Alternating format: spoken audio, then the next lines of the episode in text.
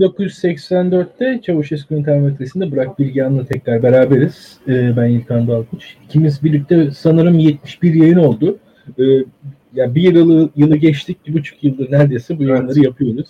Ee, açıkçası fena olmayan da bir istikrarımız var. Ee, ve Türkiye'de bir yere doğru gidiyor. Ee, geçen hafta e, Bilgehan yoktu. Belki senle konuştuk. Ee, bu son e, yangın vesaire üzerinden gelişmeleri. Açıkçası e, gelişmeleri arka arkaya konu, koy, koyduğumuz zaman e, hani bir hafta eksiklik de e, dolabiliyor onu düşünüyorum ben şu anda. E, önce bizim bilgilerin önümüze görüntüler geldi. E, İran sınırından e, geçen mültecilerin görüntüleri geldi. Arkasından Niğde'de bir tırın dorsesinden e, bir şekilde Niğde kırsalına doğru giden e, mülteci görüntüleri tekrar geldi. E, bir anda e, bu işte bambaşka bir noktaya doğru sosyal medyada evrildi ama orada esas mesele o görüntülerdi. Arkasından e, biz e, Türkiye'nin güney güneybatısında büyük yangınları yaşadık. Türkiye'nin modern tarihinin en büyük yangınlarıydı bunlar. Yani yılda e, Türkiye'de 10 bin ila 30 bin hektar arası orman yanıyor. Ortalama bir yılda açıkçası. Ve bir, bir anda 150 bin hektar e, bu yıl orman kaybetmişiz biz. Yani rakamlar bakayım. Onu söyleyebiliriz. E, e, burada da biz e, işte Beril Eski ile yayın yaptık Daktilo'da. E, özellikle mesela Muğla köylüsünün e, geç kalınan müdahaleden rahatsızlığından bahsediyordu Beril Eski. O yayınımızı tavsiye ederim. E, bu arada e, bu olaylar devam ederken bu mülteci meselesi bir anda başka bir yere doğru evrilir mi, ne, nasıl evrilir diye tartışılırken e, Altındağ'dan e, vahim görüntüler geldi. Altındağ'da Suriyeli e, bir sığınmacının e, karıştığı bir e, işte cinayet olayından sonra güya tepkili vatandaşlar e, önüne gelene saldırmaya, linç vesaire e, faaliyetlerinde bulunmaya başladılar. Vahim görüntülerdi. Devlet neredeyse yoktu orada. Ankara'da, Türkiye'nin başkentinde bu görüntülerin olmasının anlamı daha da büyüktü bence. Ki yangınlar tabii ki kötü. Yangınlara e, özellikle biz tabii daha siyaset bilimine perspektifinden bakmaya çalışıyoruz Burak Bilgehan'la. E, yani geç reaksiyon verilmesi kötüydü özellikle. Orada öncelikle vatandaşlar diyor ki tomalar nerede? Üç gün sonra tomalar geliyor. İşte ordu nerede diyor. Üç gün sonra ordu geliyor. Ya jandarmanın da helikopteri var. Oradan da atılabilir deniyor. Altıncı gün o yapılıyor. E, tek tek bakılırsa e, işte yurt dışından yardım gelsin diye insanlar hashtag başlatıyorlarsa o hashtag başlatanlara tepki gösteriliyor. Üç gün sonra yurt dışından yardım da geliyor bu arada. Yani öyle o tarz şeyler de var. Yani arada bir lag var. O arada üç günlüğüne hain ilan ediliyorsunuz. O üç günlük bir hainlik şeyiniz var. Ondan sonra tekrar normal vatandaşı evriliyorsunuz. Öyle bir durum var. Hı. Zaten e, Türkiye'deki e, sistemi bir arkadaşımız çok güzel e, ta- tarif etti. Gelen tepkilere göre bir yönetim var şu anda neredeyse. E, böyle bir e, temel mottosu bu yani ideolojik olarak çizgisi gelen tepkilere göre yani baktığınız zaman bir o tarz ne kadar çok bağırırsanız o kadar hakkınızın olacağı bir rejime doğru, doğru gidiyoruz şu anda. Ee, ya bu açıdan da hani e, şöyle söyleyeyim ben ya bilgen bakarsan mesela hani e, İngilizce timeline'ı da takip ediyorsundur. Oradaki akademisyenler akademik şeyler paylaşıyorlar ama onun dışında rahatlar. Yani e, kendilerini bu kadar ifade etme gayesinde falan bulunmuyor. Çok daha rahat insanlar, çok daha geyik yapıyorlar. Türkiye'de biz gayet ağır siyaset tartışıyoruz. Her an işte ölümler, mahkemelerle cebelleşiyoruz. İşte top, yasalara tepki veriyoruz. Sürekli politik haldeyiz. Hani mesela benim gördüğüm Türk timeline'ı İngiliz timeline'ının Amerikan timeline'ına göre çok daha ideolojik, politik ve çok daha ciddi falan yani biz aslında yani Türkiye'yi böyle aşağılarız. Benim gördüğüm Twitter'dan baktığınız zaman Türkiye çok daha üst seviye bir ülke gibi gözüküyor. Çünkü e, en üst seviye tartışmalar Türkiye'de oluyor esasında. E, o da not edilmesi gereken bir şey. E şimdi e, Manavgat'ta da şunu gördük. Vatandaşlar sokakta kimlik kontrolüne başladılar. Yani birazcık hukuk bilen birisi bilir ki çok vahim bir suç o. Yani elde silah, insan durdurup özgürlüğünden alıkoyup, seyahat özgürlüğünden alıkoyup kimlik kontrolü yapmaya kalkmak normal vatandaş açısından korkunç bir şey. O yapıldı. Arkasından da Ankara'dakiler. Ee, ne diyorsun Burak? Tabii bu kamu düzeniyle ilgili soru işaretlerinin daha da belirgin hale gelmesini beraberinde getirdi. Ee, şimdi hükümetin otoriterliği e, veya politika başarısızlıkları ayrı bir konu. Ancak kamu düzeni bu, den, bu denli zayıflamamıştı. Yani onu söylemek lazım. Şimdi biz bir pandemi süreci yaşıyoruz ve kapanmaları da yaşadık. Ee, şunu hepimiz biliyoruz ki işte sabah akşam 9'dan sonra mesela sokağa çıkmaları denetleyen bir hükümet var. Ya da lokantaların, restoranların getirilen kurallara riayet edip etmediğini denetleyebilen bir hükümet var. Ee, ve eğer akşam 9'dan sonra sokağa çıkabiliyor isek de bu hükümet buna izin verdiği için, İçişleri Bakanı buna izin verdiği için ya da Emniyet Teşkilatı buna izin verdiği için olabilen bir şey. Yani Emniyet Teşkilatı akşam 9'dan sonra sokağa çıkmaları engelleyemediği için insanlar sokağa çıkmıyor. Ya da hafta sonu sahile yürüyüşe teşkilatın beceriksizliğinden dolayı gitmiyorlar. İstemediği için. Yani çok da fazla insanları bunaltmak istemediği için gidebiliyorlar. Dolayısıyla Türkiye'de kamu düzeni meselesi aslında pek sorgulanan bir mesele değildi. Kamu düzenini sağlayan, nizamı sağlayan, e, asgari olarak yani bir devletten çünkü e, bütün bu otoriterliğin, bütün bu söylemlerin, bütün bu karmaşanın aslında karşılığı, bedeli nizamın sağlanması, düzenin sağlanması ve e, insanlara da söylenen şey burada bir Leviathan olabilir. Burada büyük bir otoriter devlet olabilir ancak bu düzen içerisinde yaşamanın karşılığı. Ve bu da çok önemli bir oy potansiyelini cezbediyor açıkçası. Yani doğru doğruyu söylemek gerekirse. Hani 15 Temmuz'dan sonra bizim duyduğumuz hikaye bu düzen hikayesiydi. 12 e, Eylül'den sonra da aynı hikayeyi duyduk. Yani düzen aslında bütün tartışmaları tali hale getiren bir endişe Türk sosyolojisinde. E, şu ana kadar biz pek bu konudaki sorunlarla pek e, uğraşmamıştık. Hangi sorunlarla uğraşıyorduk? İşte hükümetin keyfi karar almaları. Keyfi karar almaların bürokratik kapasiteyi zayıflatması, alternatif politikaları izlemeyi zorlaştırması, ekonomiyi kötüleştirmesi gibi konulardan bahsediyorduk. Fakat e, son birkaç aydır İlkan dikkatimizi çeken konu kamu düzeninin de artık yavaş yavaş bozulması. Şimdi bu yol kontrolü yapılması işte vigilantizm dediğimiz hadise. Yani insanların durumdan vazife çıkartarak güvenliği kendilerini sağlaması. Fakat bu insanların herhangi bir kanuni sorumluluklarının olmaması. Şimdi bu mesele aslında sosyal medyada şurada burada vardı daha önce. Bizim demokratik hayatımızı zedeleyen bir şey. Yani Twitter'da savcı çok mesela. Twitter'da polis çok. Twitter'da insanları e, insanların vatan sevgisini sorgulayan çok ama bu pratiğe dönüşmediği için çok büyük bir sorun olmuyor. Sadece insanlar hakkında bir imaj yaratabiliyorlar. O da köpük gibi bir şey zaten.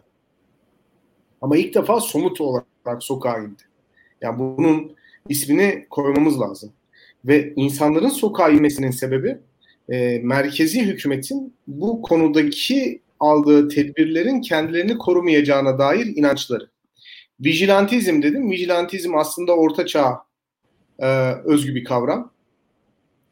E, ve özellikle sınır bölgelerinde olur vigilantistler. Çünkü merkezi hükümetin gücü sınır bölgelerine yetmez. Yani kaçak göçmenleri, kaçak insanları ya da işte sızmaları hükümet, merkezi hükümet e, önleyemediği için sınırda yaşayan insanlar kendi koruma birliklerini kurarlardı. Dolayısıyla onlar aslında resmi yetkili değillerdi ama resmi yetkili gibi davranırlardı. E, şimdi benzer bir olay Türkiye'de sokaklarda, büyük şehirlerin sokaklarında cereyan ediyor. Ve 2021 senesinde cereyan ediyor. Yani hükümetin aslında büyük, devasa bir bütçeyle ve çok gelişmiş bir teknolojiyle hareket etmesi varsayılan, hareket etmesi umulan bir dönemde cereyan ediyor. O yüzden burada e, bir sonuç çıkartmak gerekir. Türkiye'de kamu düzeni e, idare tarafından e, artık sağlanamıyor veya sağlandığına dair en kötüsü de bu halktaki inanç yavaş yavaş azalıyor. Dolayısıyla insanlar da kendi güvenliklerini, kendi düzenlerini sağlamak için inisiyatif almaya başlıyorlar. Bu Altın Dağ'da yaşanan hadise de mesela biraz hukuka ve kanuna duyulan güvensizlikten ziyade mevcut durumdaki suçluların e, hakkıyla cezalandırılmayacağına dair duyulan düşünce, hissedilen düşünce ya da öyle söyleyebilirim. E, ve hani mevcut göç, göç politikasından bir hoşnutsuzluk var zaten ortalama Türkiye Cumhuriyeti vatandaşında. Ancak bu göçmenlerin cezai sorumluluk meselesi oldukça şaibeli olduğu için hani sadece sınır dışı edilerek de bir insanın işlediği suçtan kurtulması gibi bir ihtimal söz konusu.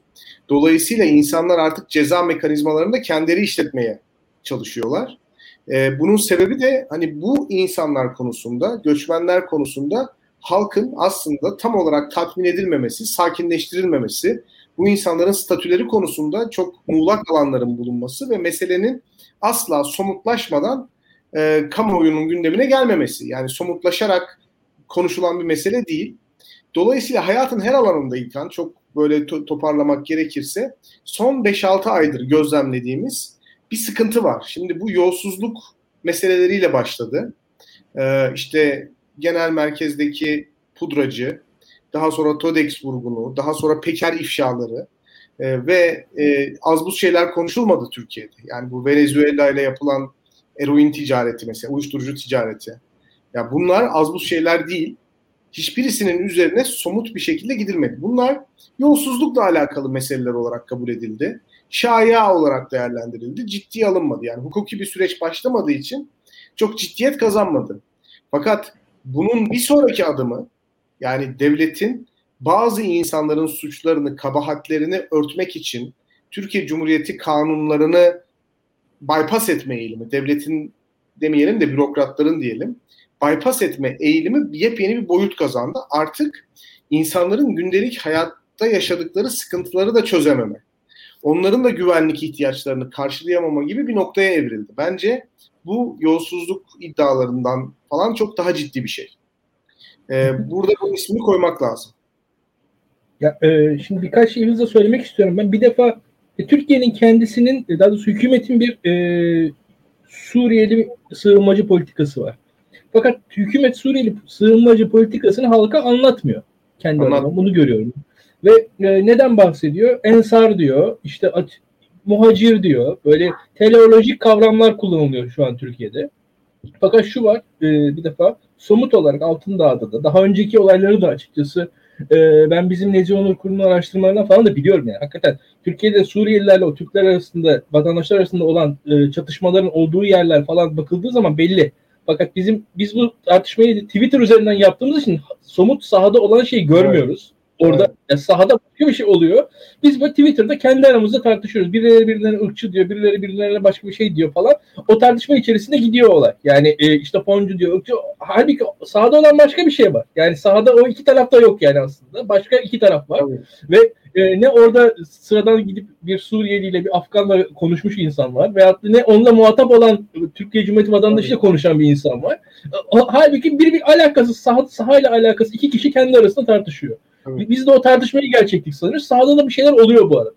Yani onu söyleyeyim. Bir defa ve o arada da bizim bir hükümetimiz var. O hükümette teleolojik kavramlarla, aşkın ifadelerle bir bir şeylerden bahsediyor. Bunların da somut da onun zaten hiç alakası yok. Yani ve ondan sonra biz şey diyoruz ki e, ve sahada olanın arkasından da e, yine aynı şekilde sosyal medyada iki grup tartışmalarını arttırarak sürdürüyor. Yani ben haklı çıktım sen haklı. Ya ortada iki tarafın da haklılık falan diye bir durumu da yok yani. Tam komedi bir şey yaşanıyor Türkiye'de. Ve Kamusal e, tartışmaya hakkıyla girmiyor ki herhangi bir konu. evet Yani göçmen girmiyor. meselesi gö- göçmen meselesi verilerle, istatistiklerle, diğer ülkelerle karşılaştırılarak benzer tecrübeleri yaşamış diğer toplumların e, verisiyle yorumlanarak ele alınmıyor ki. Yani duygusal bir senin söylediğin ensar muhabbeti var. Yine duygusal bir tamamıyla ötekine karşı duyulan bir öfke ve kirletilmişlik hissine karşı verilen bir reaksiyon gibi bir şey var. Yani bu meseleyi hakkıyla kamusal alanda tartışmıyoruz. AK Parti'nin zaten İlkan bence o kamusal tartışmayı idare etmeye yönelik politikası bu. Biz genel olarak hiçbir meseleyi hakkıyla tartışmıyoruz. Yani kamusal tartışmanın niteliği hakikaten duygular üzerine kurulu. Yani insanların reaksiyonları ne kadar içgüdülerine teslim olursa, ne kadar ilkelleşirse veya insanlar ne kadar akılcı düşünmekten uzak kalırsa bu Adalet ve Kalkınma Partisi'nin politikası için alan sağlayan bir hal alıyor. Çünkü hep ahlaki olarak kendisini üstte konumlandırıyor ve bir şey daha var. Yöntem tartışması Adalet ve Kalkınma Partisi'nin zinhar sevdiği bir şey değil. Yani amacı koyduğu zaman o amaca ulaşması için gereken yöntemleri tartışmayı reddediyor. Mesela şöyle bir şey. Sen bana diyorsun ki ben Lamborghini alacağım. Ben sana diyorum ki hangi parayla alacaksın? Sen de diyorsun ki bak bunları tartışarak Lamborghini'ye kötü bir araba demek istiyorsun. tamam mı? Lamborghini çok iyi bir arabadır diyorsun. Ben sana diyorum ki abi senin gelirin belli, giderin belli. Bu arabayı alamayabilirsin. Sen bana diyorsun ki işte içimizdeki Lamborghini düşmanları kendisini belli ediyor. Böyle bir şey. Yani böyle bir tartışma tekniği var. Göçmen meselesi e, ise tamamıyla hani e, ırkçı ve ensar e, ikileminde devam ederken Adalet ve Kalkınma Partisi çok mutluydu. Çünkü göçmen meselesinden dolayı şikayet eden figürler gerçekten çok marjinal figürlerdi Türk siyasetinde de, Türk sivil toplumunda. Yani çok memnundu AK Parti onlar tarafından temsil edilmesini bu işin. Ne zaman ki bu Kılıçdaroğlu ve Akşener daha merkez bir nokta seçti, e, o noktada konumlandılar. İşte göç politikasına karşıyız ama göçmen göçmen karşıtı değiliz gibi bir gri zemin bulup bunu derinleştirmeye başladılar. Konu bence o zaman çok ciddi bir hal aldı ve dikkat edersen AK Parti ilk defa göçmenlerin materyal faydalarından bahsetti. Yani uhrevi bir açıklama yapmaktan ziyade sanayinin bel kemiğidir dedi. İşte tarım arazilerine bu adamlar sürüyorlar falan dedi. Ekonomi için önemli yani rasyonel bir gerekçe sunmaya çalıştı. Çok kötü yani çok daha rezil bir şey aslında ama en azından AK Parti bir açıklama yapmaya zorladılar. Dolayısıyla bu e, AK Parti'nin kurduğu tartışma ekseni e, şu ana kadar çok harika bir şekilde ilerliyordu. Senin bahsettiğin araştırmalar şunu söylüyor. Seküler, orta sınıf Türkler e, göçmenlerle çok fazla karşılaşmıyorlar normal hayatlarında. Temas yok. Yani Doğru. şu an temas yok yani baktığın zaman. Ve tehdit edilmiyorlar. Yani ben mesela işimi bir Suriyeli elimden alacak telaşı içerisinde değilim. Yani e, Arapça okutmanı olmadığım için belki böyle bir telaş içinde değilim. Ama bir bankacı, bir mühendis ya da bir doktor ya da bir akademisyen e, ya da bir memur işini Suriyeli'ye kaptırma gibi bir telaş içerisinde değil. Kim bu telaş içerisinde? Daha gelir grubu, e, daha alt düzey gelir grubunda yaşayanlar, daha az para kazananlar, daha emek yoğun işlerde çalışanlar ve daha fazla güvencesiz çalışanlar. Yani günlükçüler dediğimiz günlük işlerde çalışan insanlar. Şimdi bu insanlar aslında ağırlıklı olarak AK Parti MHP seçmeni veya HDP seçmeni. Yani CHP İyi Parti seçmeni değil. Yani hani göçmen meselesinin ihalesini bu partilere yıkıyorlar ya aslında bu insanlar e, kendi tabanlarına baktığınız zaman eğitimli, gelir grubu yüksek insanların oylarını çekebilmiş partiler. Dolayısıyla hani onların tabanı bu stresi yaşamıyor. Stresi yaşayan partilerin tabanları HDP'nin tabanı yaşıyor. MHP'nin tabanı da işte biraz yaşıyor. AKP'nin tabanı ağırlıklı olarak yaşıyor. O yüzden artık öyle bir noktaya geldik ki hükümetin kurduğu o tartışma ekseni hükmünü yitirdi ve hayat bir şekilde hükmünü vermeye başladı. Yani artık hayatın kurduğu tartışma ekseninden hükümet bir şekilde bir şeyler söylemek zorunda. Ee, bu da hani çok konforlu bir alanın yok olması demek ilk. Yani Ensar, Ensar muhabbetiyle kardeşlerimiz bunlar diyerek artık altın dağlı insanları durduramıyorsunuz. Orada kamu düzenini sağlayabilmek için somut bazı adımlar atmanız lazım. Peki AK Parti bu somut adımları niye atmıyor? Biraz aslında bunlardan konuşmamız lazım. Doğru. Yani şu an Türkiye'de mesela biz e, bu yangın meselesinde devletin reflekslerinin geç çalıştığından bahsettik. Yani işte gayet e, ordu ge- geç kaldı, polis geç kaldı, tomalar geç gitti, yardımlar geç gitti. E, baktığımız zaman Türkiye'de yani Altındağ'daki kitleye de bakalım. Altındağ'daki kitlenin karşısında bir polis dursaydı Altındağ'daki kitle linç falan girişiminde bulunamazdı ve Altındağ'daki olay olay adım adım adım geldi. Yani şu an Türkiye'de polis dost doğru bir şekilde neden refleks göstermiyor? Yani şu an devlet refleksleri zayıflamış durumda en azından bu, bu tarz hadiseler karşısında benim gördüğüm kadarıyla. Tabii. Bir diğeri yani e, Türkiye'de gerçekten de çünkü e, polis orada olamayacak bir noktada olsa yani Türkiye'nin atıyorum e, yani kuş uçmaz kervan geçmez bir yeri de değil altında neticede. Yani bir varoş falan denilen bir yer olsa da Ankara Türkiye'nin başkentinden bahsediyoruz biz. Yani Merkezi orada evet ya Türkiye'nin gayet merkezi bir yerinde. Bu, bu, bu nasıl olabiliyor? Tabii. Ya şöyle bir şey, e, kendi tabanıyla kurduğu sorunlu bir ilişki var. Yani bir kere kendi tabanına e, bu yüzde elliyi zor ev, evde tutuyorum cümlesiyle gerektiği takdirde bir inisiyatif alma e, vazifesi atfetti.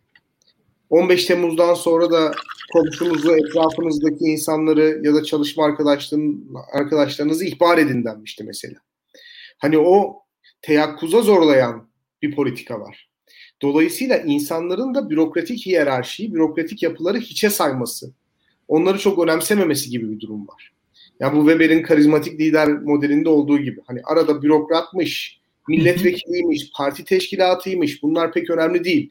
Orada karizmatik bir lider var ve onun halkı var. O ikisi arasında da duygusal bir ilişki var. Bir özdeşim kuruyorlar.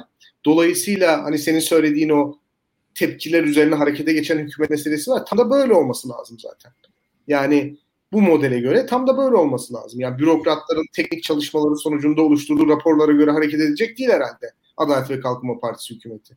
Twitter'da yükselen dalgaya bakacak, ona göre hareket edecek. Çünkü kurulan model bu. Yani bürokratik sistemin işlememesi, hakir görülmesi, bir şekilde felç edilmesi üzerine bir sistem. Çünkü o bürokratik mekanizmadan ciddi anlamda tehdit algılıyor.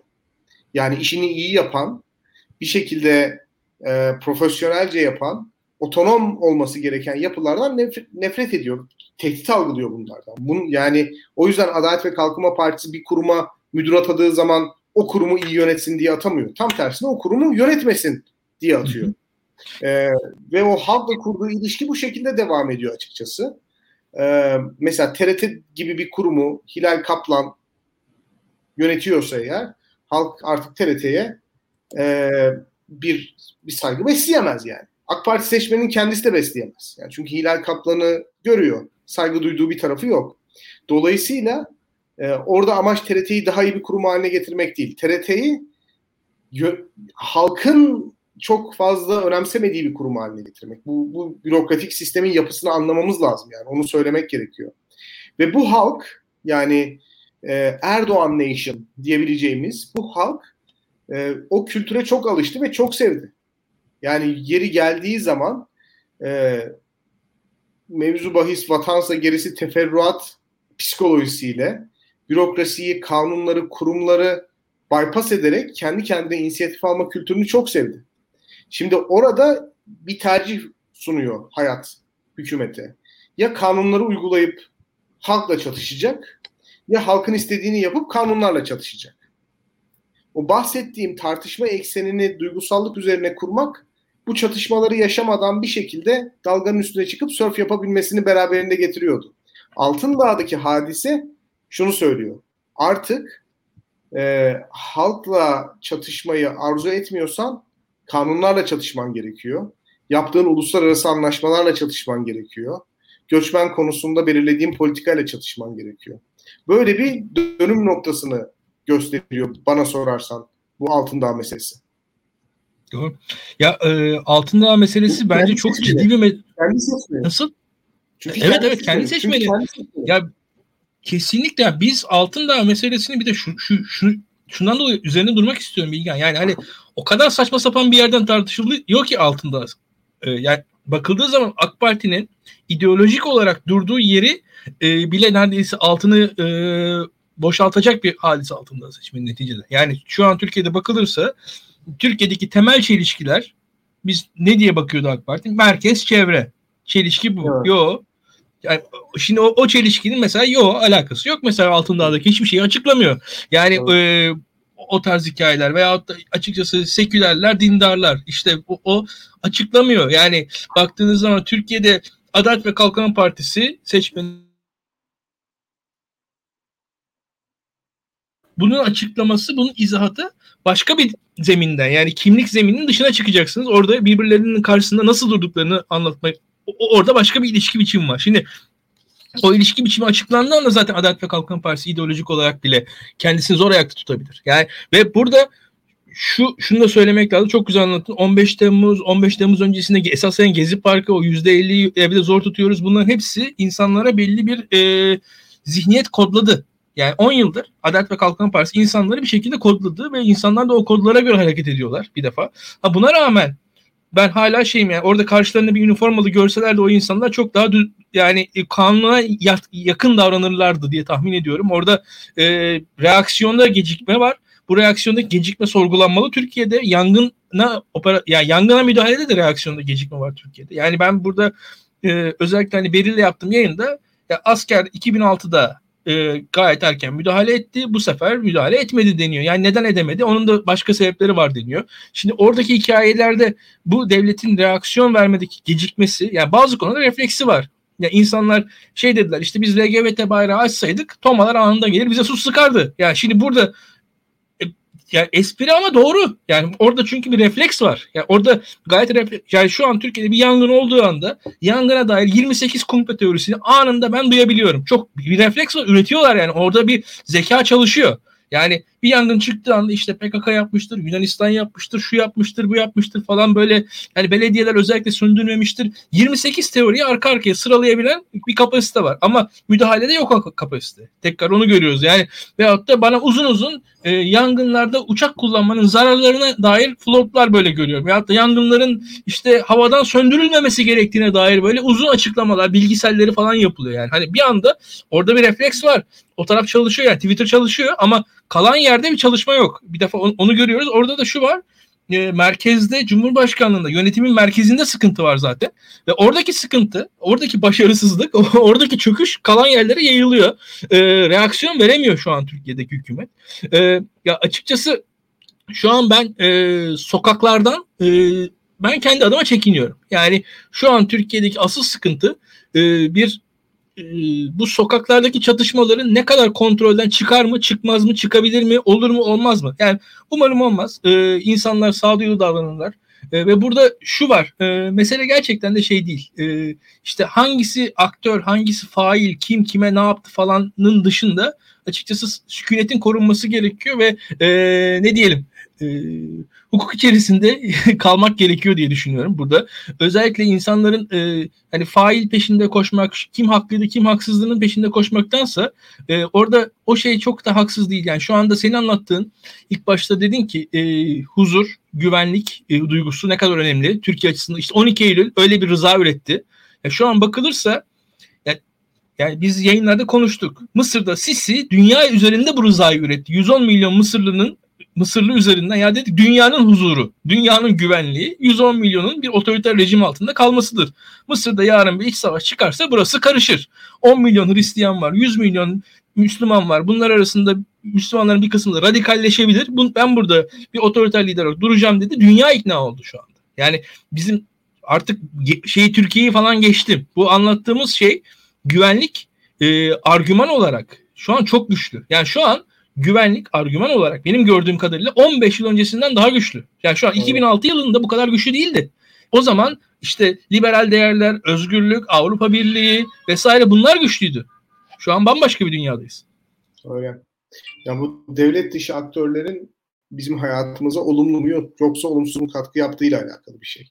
Yani biz devlet dışı aktörden McDonald's'ı veya Netflix'i veya Manchester United'ı veya herhangi bir caz sanatçısını, e, çok uluslu şirketleri, çok uluslu NGO'ları falan anlıyorsak bu olumlu bir şey. Yani güvenliği pek tartışmayız. Ama çok uluslu, e, ulus aşırı aktörlerden veya devlet dışı aktörlerden e, IŞİD'i anlıyorsak, göç dalgalarını anlıyorsak, e, sınırı, sınırları aşan terörizmi anlıyorsak, burada güvenlikten tabii ki bahsedeceğiz. Çünkü ülkelerin egemenlik sahalarını kontrol etmeleri açıkçası belki Netflix'in, Burger King'in ya da çok uluslu şirketlerin, devlet dışı aktörlerin hareket alanını sınırlandırabilir. Fakat aynı zamanda o egemenliği tesis etme bu uluslararası güvenliği tehdit eden aktörleri de zapturapt altına alabilir. Şimdi bizim gördüğümüz şey şu, e, hakikaten son dönemde devlet dışı aktörlerin ürettiği tehdit çok yüksek hale geldi ve bu ülkelerin iç siyasetini de etkilemeye başladı. Yani bugün göç meselesi veya ulus aşırı terörizm meselesi olduğu için Avrupa'da aşırı sağ partiler güçleniyor ve Avrupa merkez partilerini sıkıştırabiliyorlar.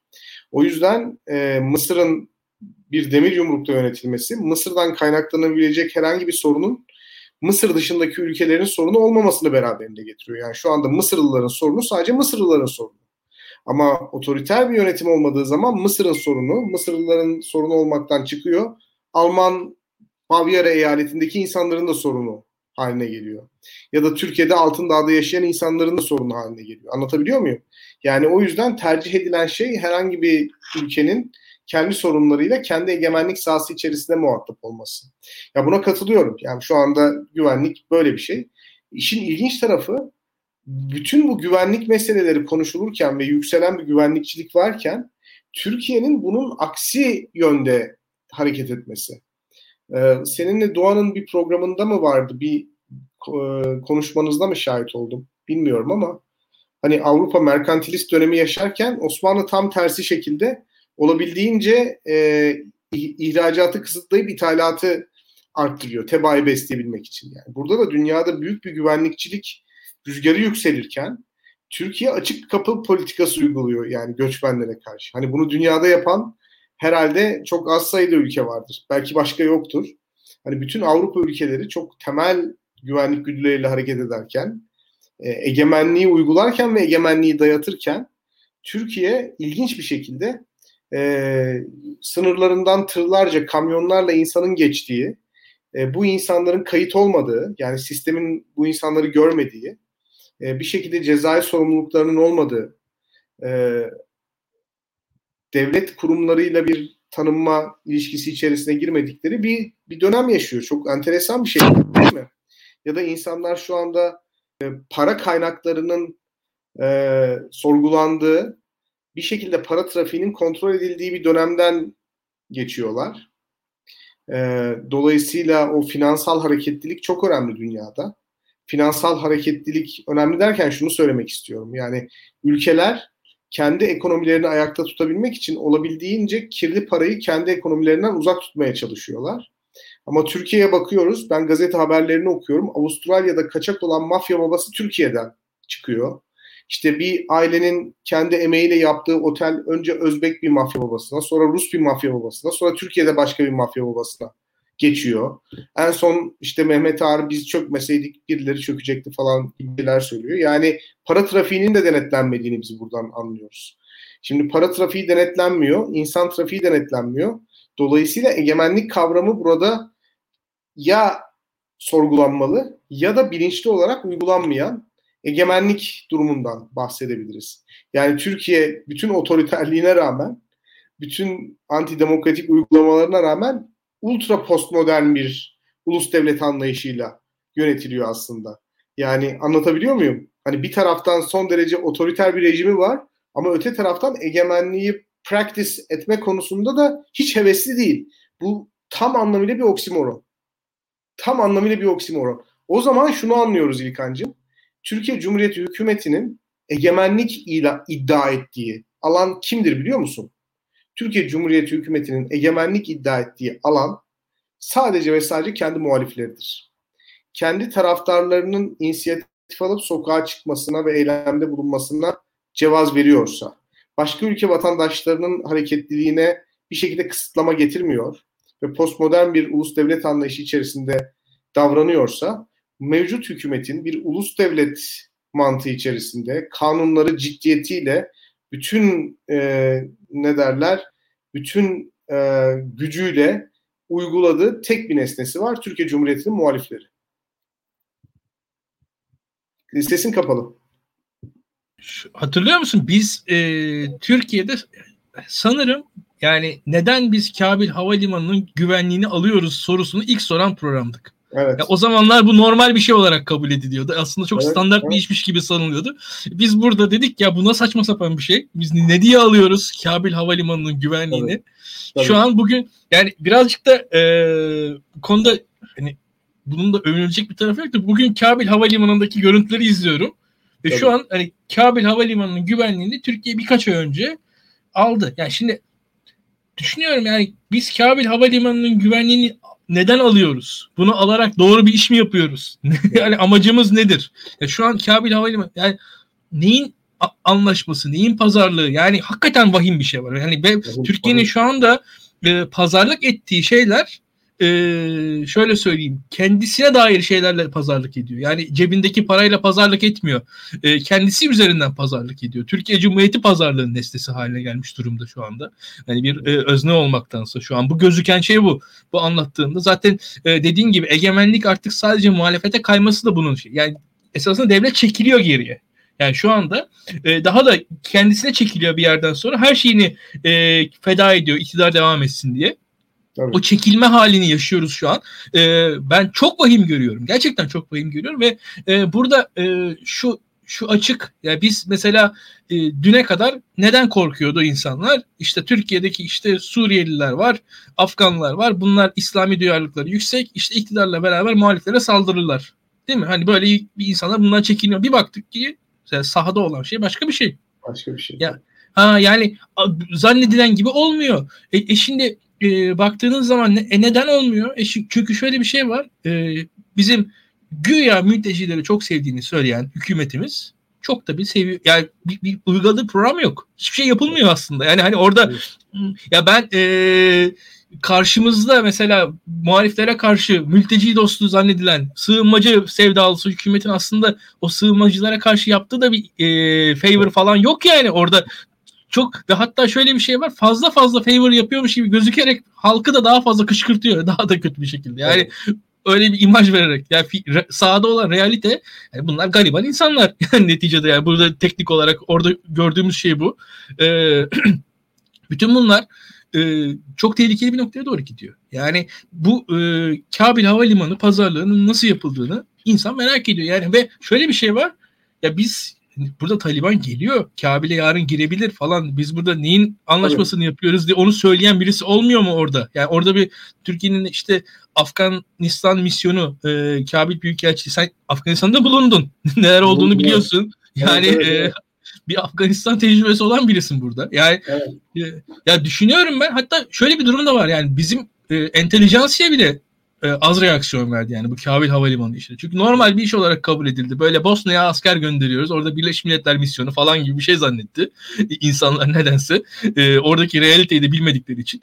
Ve yine vahim bir şeyle karşılaştık. Yani e, şu an e, umarız artık herhalde e, bu Kabil işinden vazgeçtir şu Tabii, şartlarda.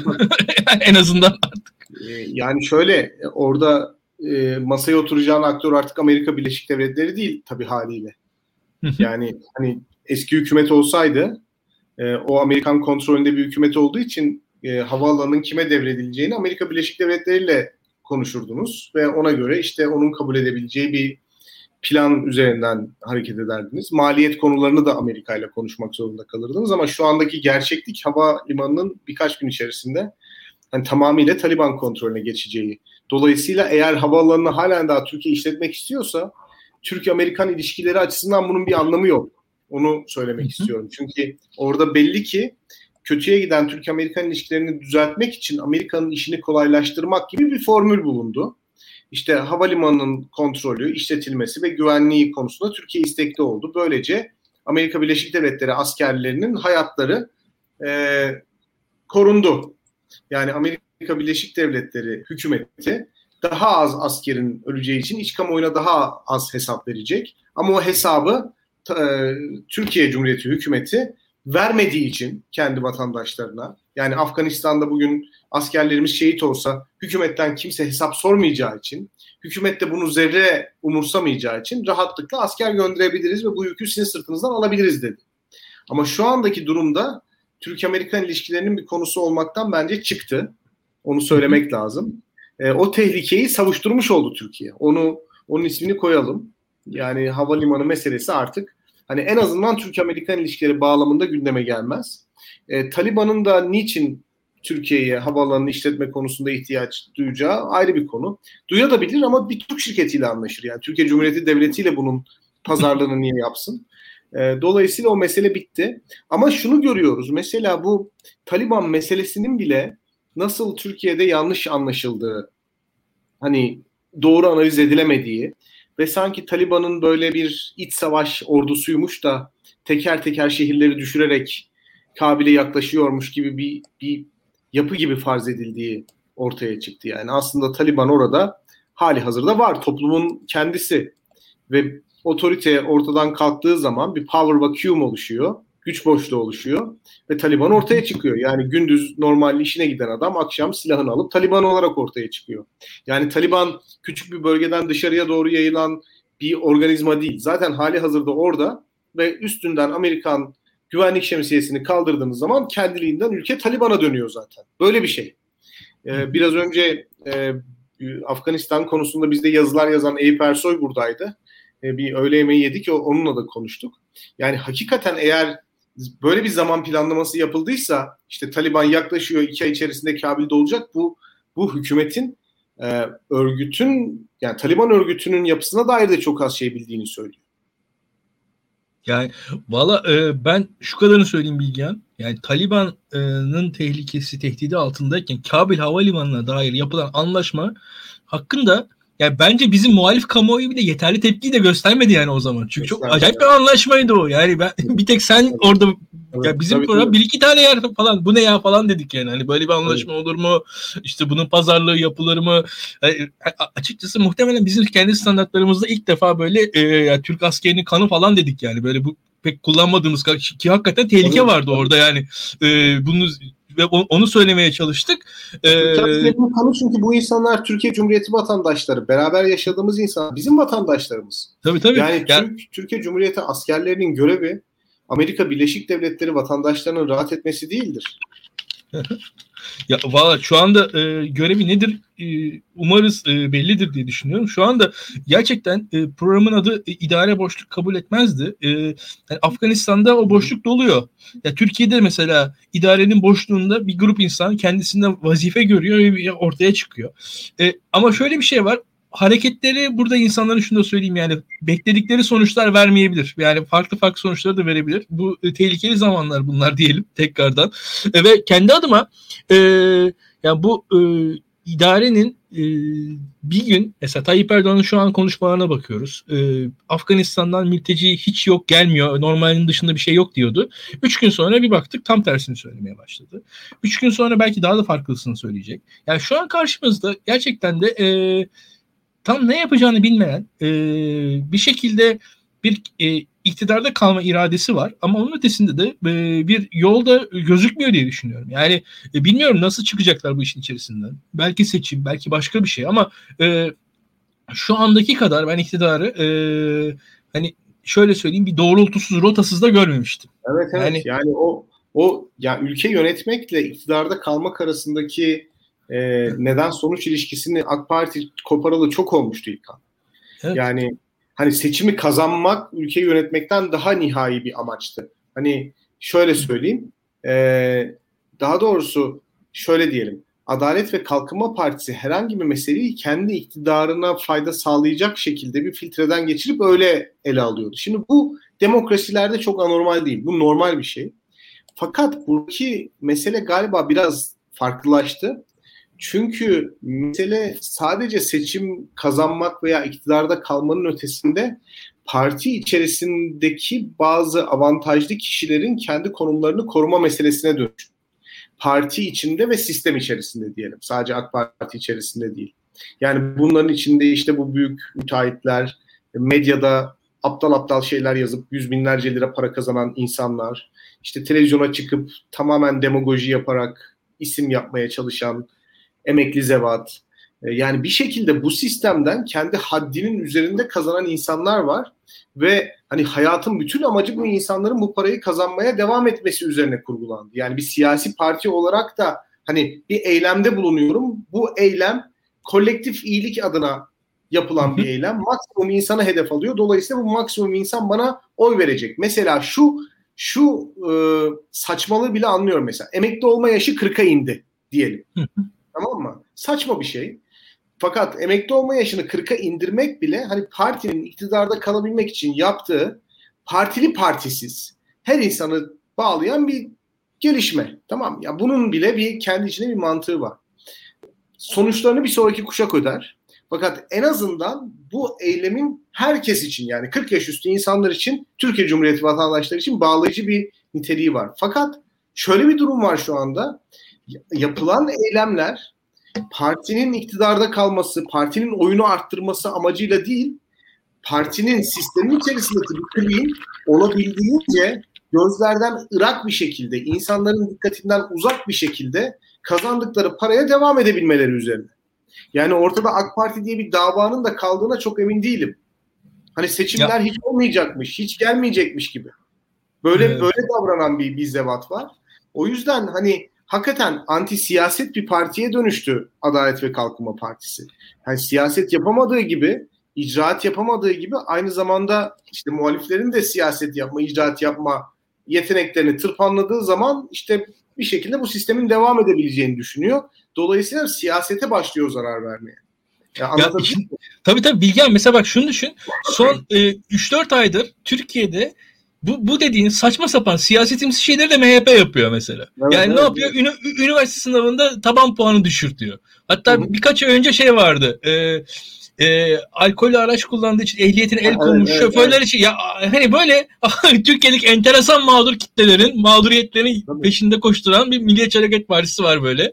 Hani e, ehliyetine el konmuş şoförlerin dertleri işte atıyor. Daha önce işte bu af meselesi zaten gene MHP'den Evet. çıkmıştı. Aslında Evet. böyle minik e, bir oy tabanlarını tek tek o MHP onların peşinde gidiyor. Öyle bir niyeti var. O, o, o- hissediliyor. Mesela üniversite sınavına girmiş, taban puanına geçe yapamamış. O, o çocukların dertlerinin peşinde mesela MHP öyle uğraşıyor. Hatta baktığınız zaman da şeydir hani kent çeperindeki orta düzey gelir tam MHP seçmeni yani. Hani onu hissedebiliyorsunuz oradaki Tabii. kitleyi. Tabii. İşte hani ehliyeti var kaybetmiş. İşte üniversite sınavına girmiş taban puanla şey falan filan. O, o kitle.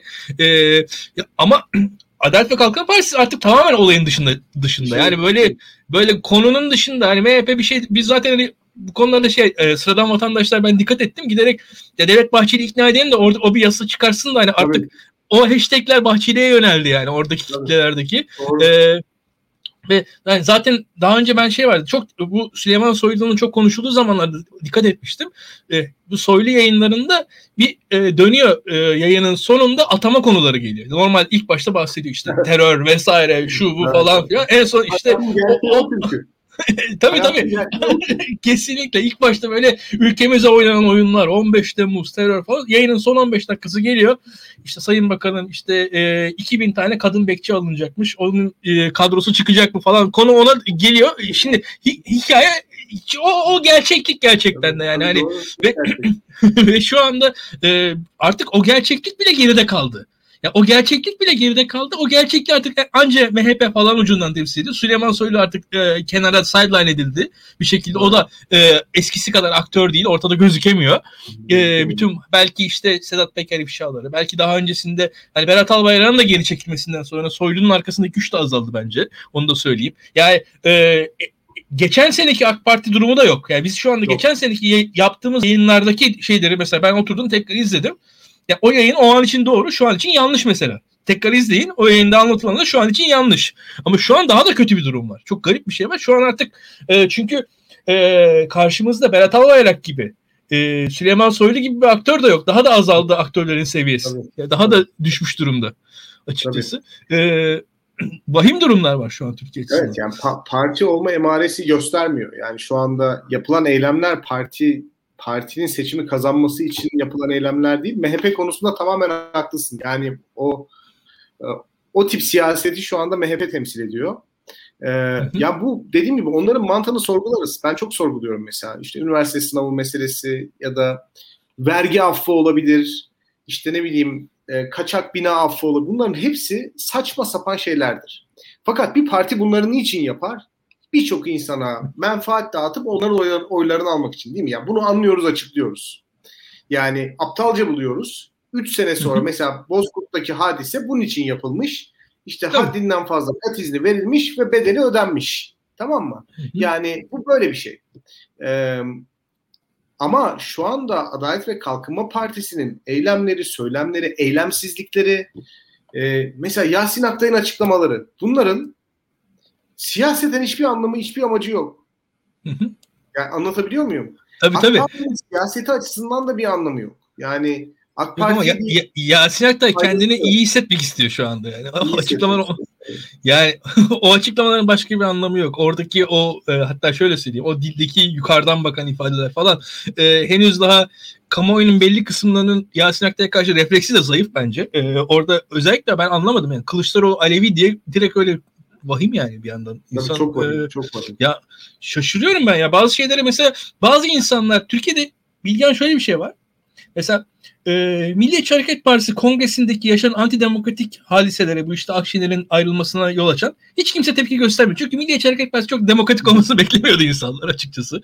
Mesela bazı şeylere bazı insanlar yaptığı zaman tepki Evet. gösteriliyor. Yani Türkiye'de öyle bir şey var. Mesela hani Türkiye'de mesela ırkçılık deniyor ya. O bazı insanlar ırkçılık yaptığı zaman e, insana tepki gösteriyor aslında. O çok fazla ırkçılık konusunda duyarlı olan insanlar da aslında bazı insanların ırkçılığına duyarlılar. Ha ya o, o bazı insanlar evet ırkçılık yapıyorlar. Ona duyarlı olsunlar ama aslında o kadar norm olarak ırkçılığa karşı e, 360 derecelik bir radarda da, radarı da yok insanın. Onu, onu hissediyorum ben bazı şeylerde Türkiye'de. Doğru, e, doğru, bunu, da, doğru, bunu, da, bunu da ekleyeyim yani. e, bilmiyorum. E, son söyleyeceğim bazı şeyler varsa onları da ekle. E, biz 50 dakikayı bulduk. E, çok da uzatmayalım istiyorum bu gece. Evet.